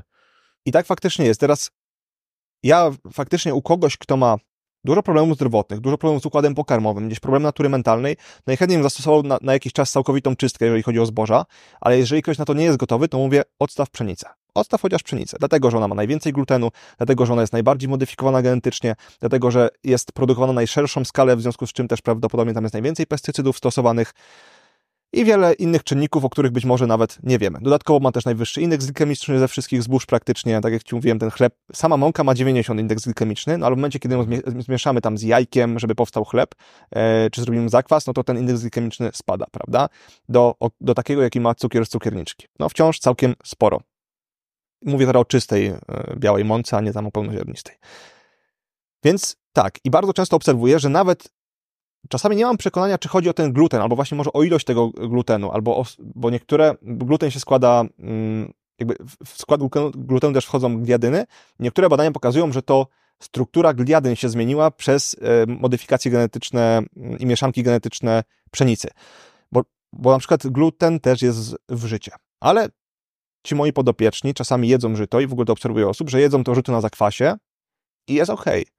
I nie jestem pewien, czy to tylko o gluten chodzi. Jakoś mam wrażenie, że ta pszenica Że to pszenica że ta inna. pszenica tak przede wszystkim jest problematyczna, nie? Że czasami nie, nie samo odstawienie glutenu daje rozwiązanie, a odstawienie pszenicy. Nie wiem, czy to chodzi o indeks glikemiczny, czy o inne substancje antyodżywcze, bo ogólnie zboża mają dużo substancji antyodżywczych, które dość mocno bombardują nasze jelita. I to nie jest tak, że zawsze każdemu będą szkodzić, ale u niektórych osób, szczególnie wrażliwych, szczególnie być może na jakimś etapie, gdzie ich dieta długo była w kiepskiej jakości, ten układ pokarmowy jest na to szczególnie wrażliwy, nie? Mhm. Więc co do zasady, nawet jest taka, to się chyba nazywa tak, to jest pszenica rosnąca dziko, to jest samopsza. I wie, znam wiele osób, które właśnie nie jedzą pszenicy takiej e, dostępnej w sklepach, Sklepowej. jedzą samoprze, jest ok, nie? Więc nie jestem pewien, czy chodzi o sam gluten. Myślę, że to może być jakiś mi- miks czynników, czyli ten gluten, którego jest więcej, i te gliadyny, które mają zmienioną strukturę, i ten wysoki indeks glikemiczny, i może jakieś jeszcze inne dodatkowo substancje odżywcze. I ta mieszanka sprawia, że ta pszenica dzisiaj dostępna w marketach nie działa na nas tak dobrze, na większość osób, jakby mogła działać. Jeżeli ktoś sobie zrobi eksperyment, odstawi na miesiąc zboża, nie zobaczy różnicy, to okej, nie, niech wraca, ale jeżeli jesteś osobą, która czuje, że nie do końca wszystko gra w tym organizmie, że mogłoby być lepiej, że jelita mogłyby funkcjonować e, lepiej, że na przykład po posiłku czujesz, że tu jest jakiś ucisk i ten ucisk idzie do głowy i tam się pojawiają jakieś... No bo układ pokarmowy działa bardzo często w taki sposób, że no jest połączony bezpośrednio z naszym mózgiem. I teraz nie wiem, czy tak miałeś kiedykolwiek, ja tak miałem, wiele osób tak miało, że na przykład w momencie, kiedy pojawia się lekkie zatrucie pokarmowe, to już od razu pojawia się spadek nastroju.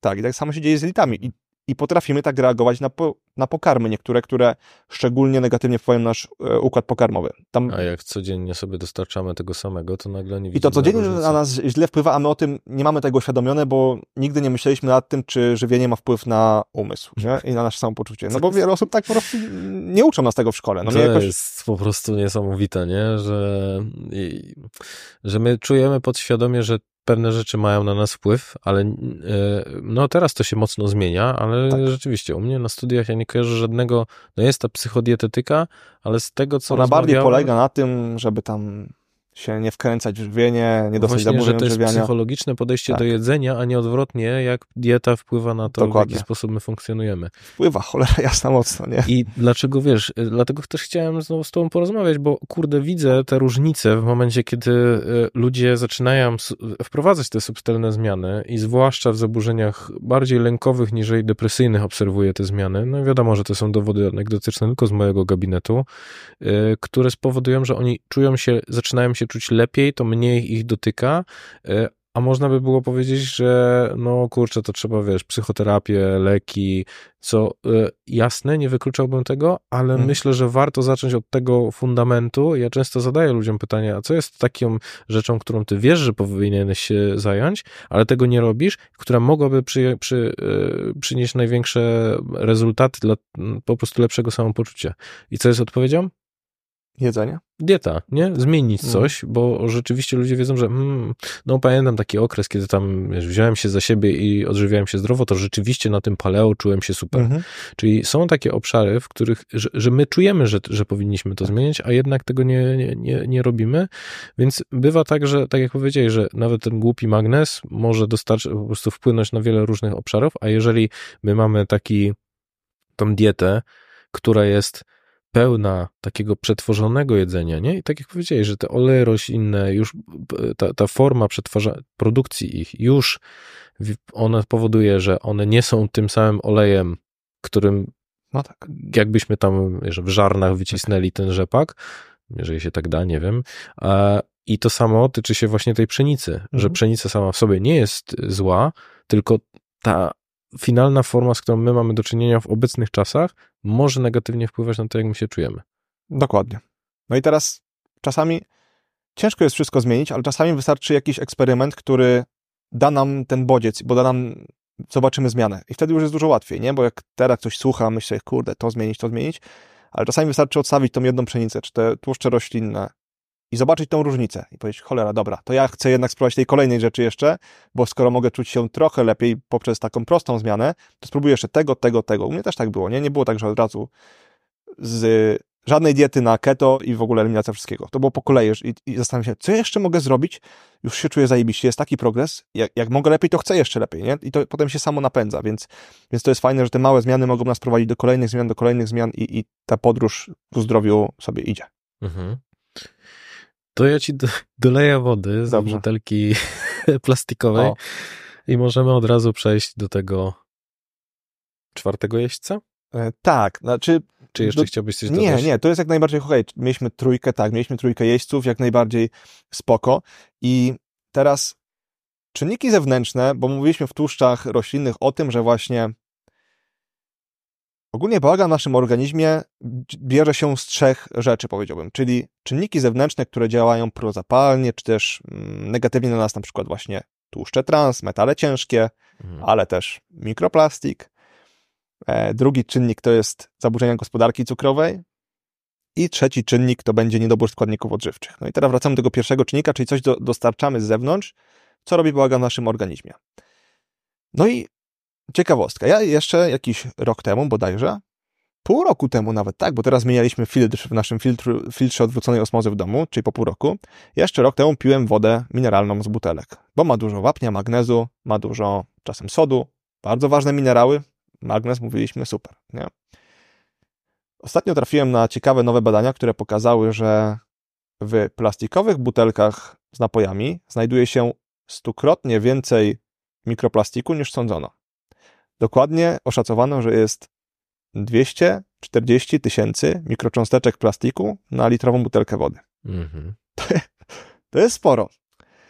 I fakty są takie, że my jesteśmy bardzo daleko od pełnej świadomości tego, co mikroplastik robi z naszym zdrowiem. Jesteśmy bardzo daleko od tego, jakie dawki są bezpieczne, ile go można zjeść dziennie, ile go można e, zjeść tygodniowo, jak on się akumuluje. My jesteśmy lata od tego, żeby mieć odpowiedzi na takie pytania. To, co dzisiaj już wiemy, to to, że mikroplastik, czy też na przykład BPA, czyli bisfenol A, który jest bardzo popularny, który znajduje się w plastiku, może mieć wpływ na nasze narządy endokrynne, czyli zaburzać działanie tarczycy, hormonów płciowych. Może jako obca substancja powodować stany zapalne w naszym organizmie, może mieszać w działaniu neuroprzekaźników chociażby. Badania pokazują na myszach, z tego co pamiętam, że zwiększa. Ins- nie, to były badania na ludziach, tak, że kobiety, które miały zaburzenia gospodarki cukrowej, e, w moczu wydzielały dużo więcej bisfenolu A. Badania na myszach pokazały bodajże, że jest zdecydowanie zwiększone ryzyko prostaty u myszy, które są bardziej obciążone, obciążone bisfenolem A akurat. Więc bardzo dużo nie wiemy, a to, co wiemy, jest bardzo nieprzyjemne i negatywne. Czyli im większa ekspozycja na mikroplastik, tym większe problemy, jeżeli chodzi o nasz organizm, ale my nie wiemy, czy jedne osoby są bardziej wrażliwe, inne mniej wrażliwe. No, czy każdemu. Klasycznie, nie? Pewnie jak ze wszystkim wyjdzie, że tak jest, co nie zmienia faktu, że jest to coś, z czym ewolucyjnie sobie nie mieliśmy czasu się przyzwyczaić do tego, Myślę, że taka... że wszystko, o czym mówimy, jest takim, że nie jesteśmy tak, w stanie się... Do... Tak, tak, więc co zrobić? Ogólnie problem jest bardzo poważny, bo to nie jest tak, że tylko plastikowe butelki. Mikroplastik jest nawet w powietrzu. Jezu, to... jak, się zacznie, jak się rozejrzysz, to wszędzie. Zabawki dla dzieci tak. y, są, są, z plastiku, tak. opakowania, w których nosisz jedzenie są z plastiku. Wszystko jest plastikowe. Dokładnie. Przyjmujemy go z pożywieniem, z piciem, przyjmujemy go z oddychaniem. No więc nawet jeszcze ci się wtrącę, że słyszałem, że problemem jest to, że mamy ciuchy na siłownię, które są tam z mikroplastikiem, czy z domieszkami sztucznymi. One w trakcie prania trafiają po prostu do, e, do mhm. odpływów, które są potem oczyszczane i w sumie wracają często w nieuchwytny sposób w naszym kranie po prostu z powrotem do nas. Ostatnio miałem wiele ciekawych dyskusji na Instagramie pod kątem wody z kranu, bo ona jakby jest badana, szczególnie tam w miejscach, w których ta woda jest e, oczyszczana. W niektórych miejscach końcowych też jest badana, ale jest badana na nie aż tak Czyli dużo czynników. bakterii, które by nas zabiły. Czy, czy też podstawowe metale ciężkie, czy takie rzeczy. Na mikroplastik nie jest badana, nie jest badana estrogeny sztuczne, które na przykład z powodu tego, że kobiety dzisiaj masowo używają tabletek antykoncepcyjnych, trafia normalnie w obieg dalej. Mm, no i co? No i trafia z twojego kranu do szklanki z wodą. Czyli, że one wysikują ten no, tak, estrogen tak, tak, tak, i dokładnie. potem ta woda, nawet oczyszczona... Zawiera, tak. I mamy kryzys męskości. kryzys męskości. Dzień dobry.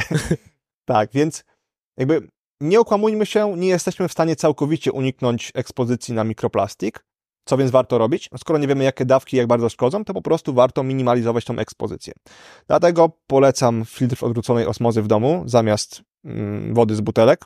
Mhm. Po prostu. Odwrócona osmoza, to z tego co wiem, jest jedyny rodzaj filtra, który czyści wszystko do wody destylowanej. Dobra, i, i, na czym to polega? No, nie chcę tam wchodzić w te szczegóły związane z, mhm. z tym, w jaki sposób wygląda ten proces oczyszczenia, tylko to jest po prostu taki filtr, który nakładasz na swój kran, czy to jest. To jakiś... wygląda jak taki mały komputer stacjonarny. Jest u mnie w szafce, tam gdzie są śmieci, jest podłączony, jakby przez niego przychodzi woda z, ruro, z rurociągów mhm. i z, z niego trafia do kranu woda dopiero. Czyli to jest przed, e, Przed do- do tym, kranu. co, okej, dobra. Tak. I on robi wodę destylowaną, można sobie założyć mineralizator dodatkowo, który delikatnie ją właśnie uzdatnia w magnez, e, wapń, potas, sód. Mhm. No bo domyślam się, że taka destylowana woda też nie jest najzdrowsza dla No nas, właśnie, nie? to są y, dyskusje na ten temat trwają, bo teoretycznie nie. Natomiast na przykład wiele osób się odzywało, które piją od lat tą wodę destylowaną i na przykład się pozbyły kamieni nerkowych. Znowu anegdotyczne dowody, bo wiesz, przede wszystkim chodzi o to, żeby dostarczyć wapń, magnez, sód, potas, teoretycznie możesz go dostarczyć faktycznie z żywności.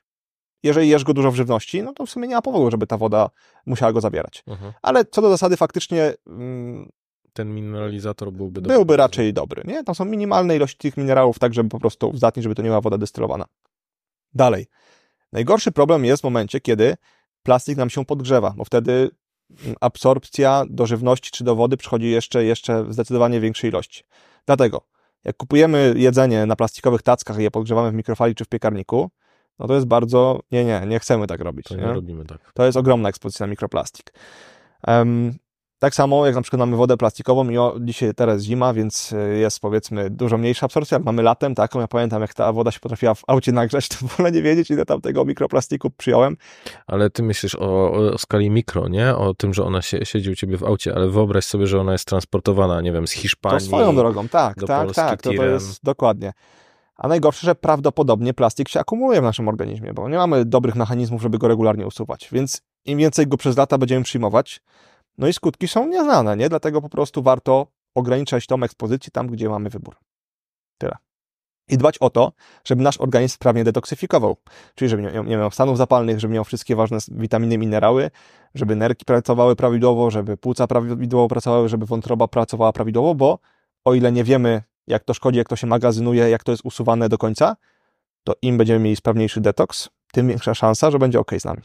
No dobra, czyli mówisz o tym, że nie, nie, nie ma sposobów na, na ochronę, czyli bardziej mamy być wybredni co do tego, na w czym dostajemy jedzenie, picie, no i ewentualnie ubiór. No trochę to zabrzmiało tak, że no to nas zabija, ale w sumie nic nie możemy z tym zrobić. No kurczę, jak to jest w powietrzu, to co chcemy zrobić, No nie? to właśnie o tym No mówię, nie? Że... nie mam takiej, lubię mieć takie dla ludzi odpowiedzi, słuchaj, tak robimy i będzie git. Tutaj możemy minimalizować po prostu wpływ na nasz organizm. No widzisz jakąkolwiek zmianę, odkąd używasz te, tej wody y, filtrowanej? Kurczę, ciężko mi określić, ponieważ to nie jest jedyny czynnik, który robię. Mhm. Robię tyle rzeczy, że jakiegoś takiego wpływu na układ, no czuję się dobrze hormonalnie, więc e, ale nie chcę powiedzieć, że wymieniłem Że wodę to i przez to czuję się super, nie? To są Robi na- drogie rzeczy tym- w kontekście tej, tej Z tego, co tej... pamiętam, to płaciłem niecałe 2000 za ten filtr. Okej. I to jest już I takie... on już jest na stałe, tak, z tobą trzeba wymienić co pół roku tam wkład taki filtrujący i ta wymiana jakieś 300 zł kosztuje, więc Mhm. no... Myślę, że jakbym to przeliczył po latach, e, jeżeli chodzi o wody butelkowane, to to się zwraca po jakimś czasie na pewno, nie? Nie, no to nie- na To szybko pewno, nawet. że to No. przy tych cenach to obecnie to Tak.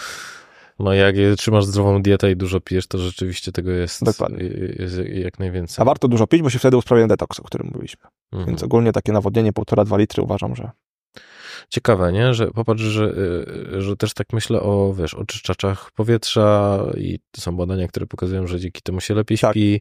E, mówisz teraz o tym, o oczyszczaniu wody w, w, i trochę jakby to nasze środowisko nas zniszczyło z każdej strony. Jakbyśmy takimi drobnymi sposobami musieli robić dużo, żeby chronić się przed tym destrukcyjnym wpływem, no bo trochę w, ty, w tym wszystkim, o czym mówiłeś, zwłaszcza w, kontekście mikroplastików, odczytuję to jako zaburzenia na, hormonalne, które mogą w nas uderzać, no i jeszcze całe to Mhm. spektrum, który, o Mhm. których konsekwencji nie, nie, nie, nie wiemy. tak, no jest tak, jest tak, po prostu tak jest, że stworzyliśmy sobie środowisko w szczytnym trochę celu, bo chcieliśmy się rozwijać, chcieliśmy jak największej ilości zapewnić jedzenie, prawda? Mhm. Chcieliśmy jak najbardziej ułatwić transport różnych rzeczy. Nikt nie przewidywał na początku, podejrzewam, że to doprowadzi do takich rzeczy, nie? Więc cel był poniekąd szczytny, chociaż też wielki biznes poniekąd wiadomo, że no ale wszyscy chcemy mieć taniej, chcemy kupować taniej żywność dobrej jakości, No to możliwe? Żeby kupować taniej żywność, no zależy jak zdefiniujemy dobrą jakość, nie? Mhm. Ale ja mam taką, e, takie powiedzenie, że na tej żywności z marketu też da się poprawić zdrowie i poprawić, e, wiesz, coś musisz wybrać. Więc jak stoisz przed wyborem, że albo kupię wołowinę z marketu, albo kupię lejsy, albo nie powiedzmy chipsy, bo zaraz dostanę bana, albo ci zbanują kanał, chipsy, no to lepiej wybrać wołowinę, nie? bo ona, może tam jest trochę mikroplastiku, który po latach jakoś wpłynie na twoje zdrowie, ale chipsy wpłyną dzisiaj, tak jak mówiliśmy o e, gorszym rozszerzaniu się śródbłonka, nie? Mhm. I wiesz, widzę to, że ludzie, którzy kupują to jedzenie w marketach i przechodzą na jakąś konkretną dietę, poprawiają to swoje zdrowie, tak? Poprawiają gospodarkę cukrową, czują się lepiej, więc da się. Nie? Czy tam nie ma jakiegoś mikroplastiku, tak jak mówię, czy innych substancji, jakichś metali ciężkich, które po latach płyną? No, może jest, ale jaki jest wybór, jaka jest alternatywa? Bo zawsze warto zapytać o alternatywę, nie? Co poddać się i po prostu jeść yy, przetworzoną żywność? No to nie jest na pewno lepsze rozwiązanie. Mhm.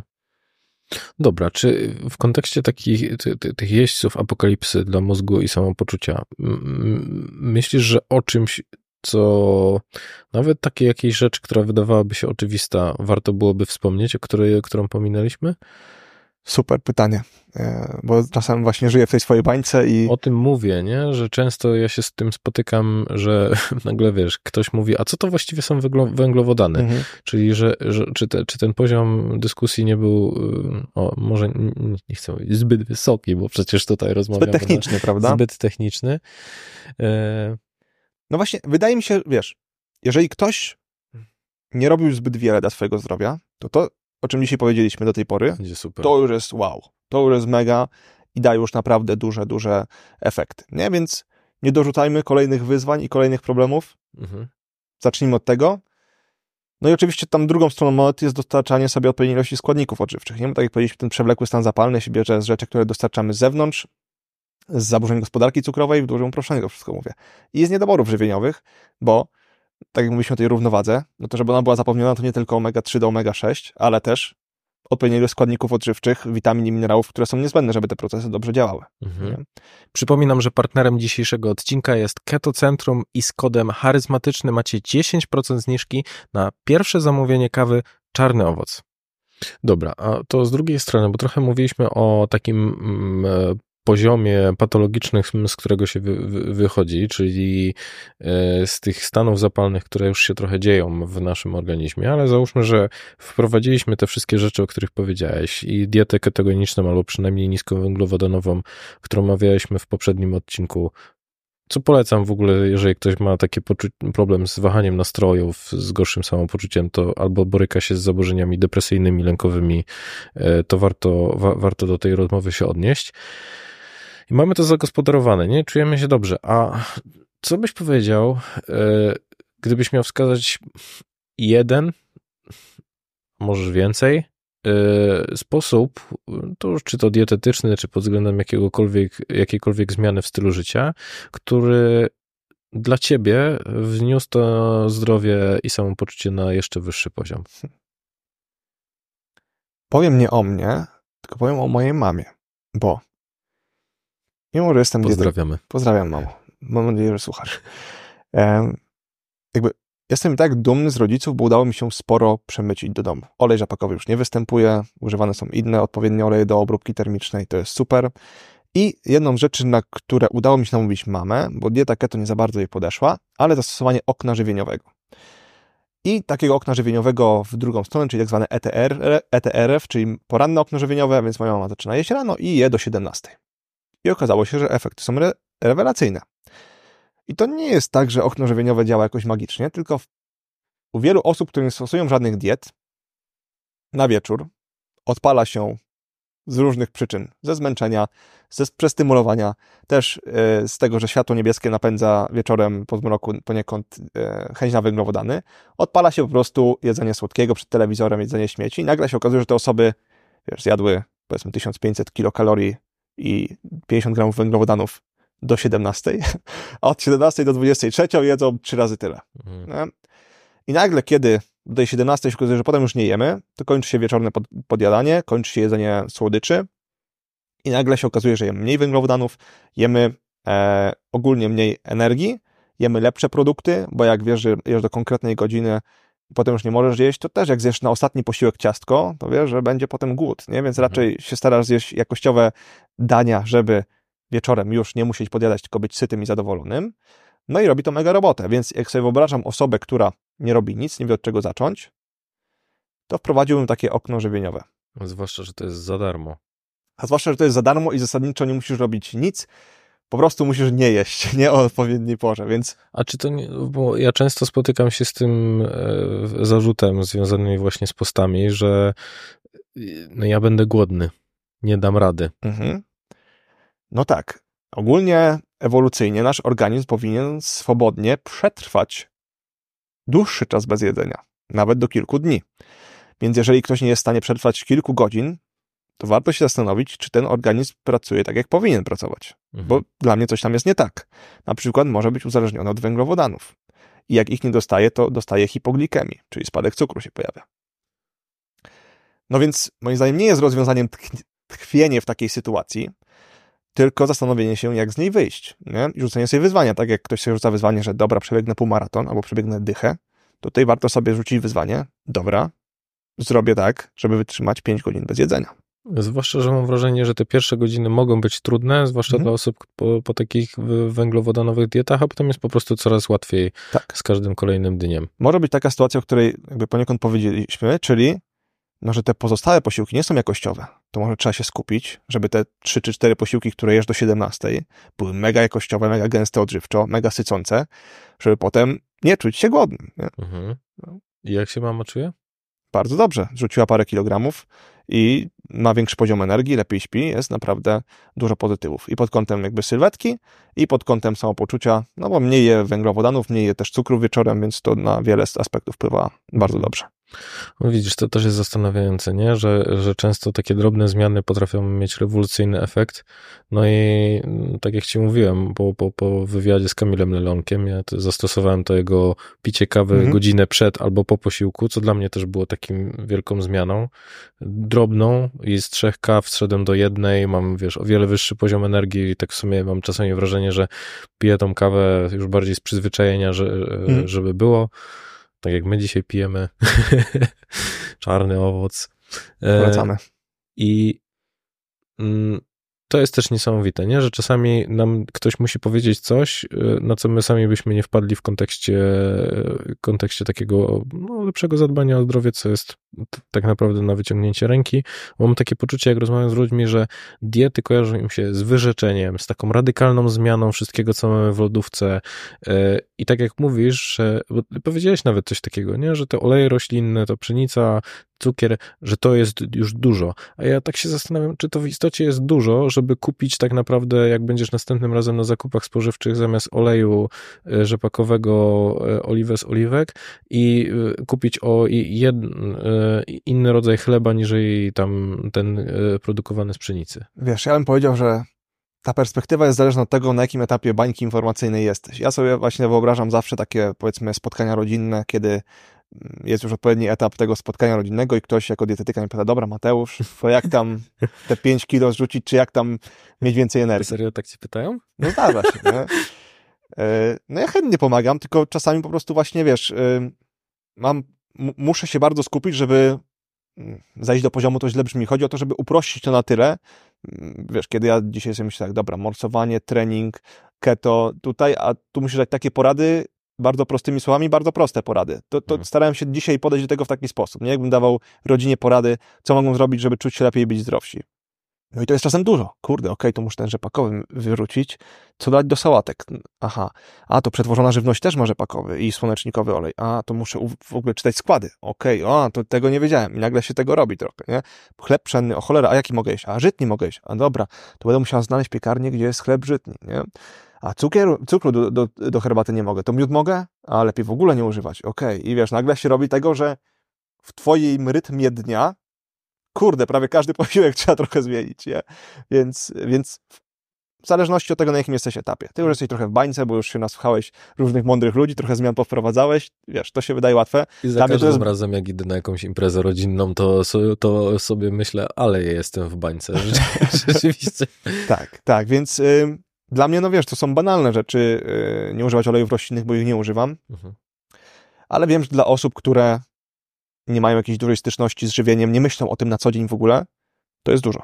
No ja chyba też tak motywacyjnie chciałbym powiedzieć na samym końcu, że jeżeli, że warto o to zadbać, nawet jeżeli to się nie wydaje, że teraz jest źle albo no, nie jest tragicznie, o tak bym powiedział, z tego względu, że ja widzę tą zmianę, jak rozmawiam z ludźmi, którzy zaczynają wprowadzać diety, zaczynają dbać o, o, o wysiłek fizyczny, czy w ogóle o o siebie na wielu różnych aspektach, to mówią, że kurde, jak, jak długo ja byłem w stanie funkcjonować na 30% swoich możliwości, że ten procesy habituacyjne, czyli to, że my się łatwo przyzwyczajamy do tego, że jest źle, są z jednej strony najpiękniejszą i najgorszą rzeczą dla nas, nie? że jesteśmy wytrwać, w stanie wytrwać mhm. trudne warunki, ale jesteśmy też w stanie przyzwyczaić się do tych trudnych warunków i mówić, tak wygląda życie, nie pamiętać albo w ogóle nie wiedzieć, że może być zdecydowanie lepiej. Więc to, co ja zawsze polecam, to po prostu wyciągnąć sobie rzeczy z tego podcastu, zastanowić się nawet nad jedną rzeczą, którą chcielibyśmy eksperymentalnie zmienić i po prostu zobaczyć, jak my się czujemy, z tego względu, że kurde, no życie nie jest po to, żeby cierpieć i czuć się cały czas osłabionym i bez sił, a być może te rzeczy, które mam wrażenie, że są dosyć prostymi krokami, które można y, wprowadzić w codzienność, zmienią czyjeś zdrowie i nastrój na tyle, że po prostu to będzie mm, coś na lata. Bardzo ładnie powiedziane. No to Mateusz, co? Dziękuję bardzo za kolejną rozmowę. Jak zawsze mega miło. Także co, pewnie widzimy się za kolejne kilka miesięcy. E, no i zachęcamy do komentowania. Dajcie znać, czy taka forma wam, e, wam odpowiadała. No i dziękuję jeszcze raz za to, że, e, że wpadłeś. Dzięki wielkie za rozmowę. Widzom dziękuję za wysłuchanie, za obejrzenie. Słuchasz podcastu charyzmatyczny. Zasubskrybuj, daj kciuk w górę lub skomentuj.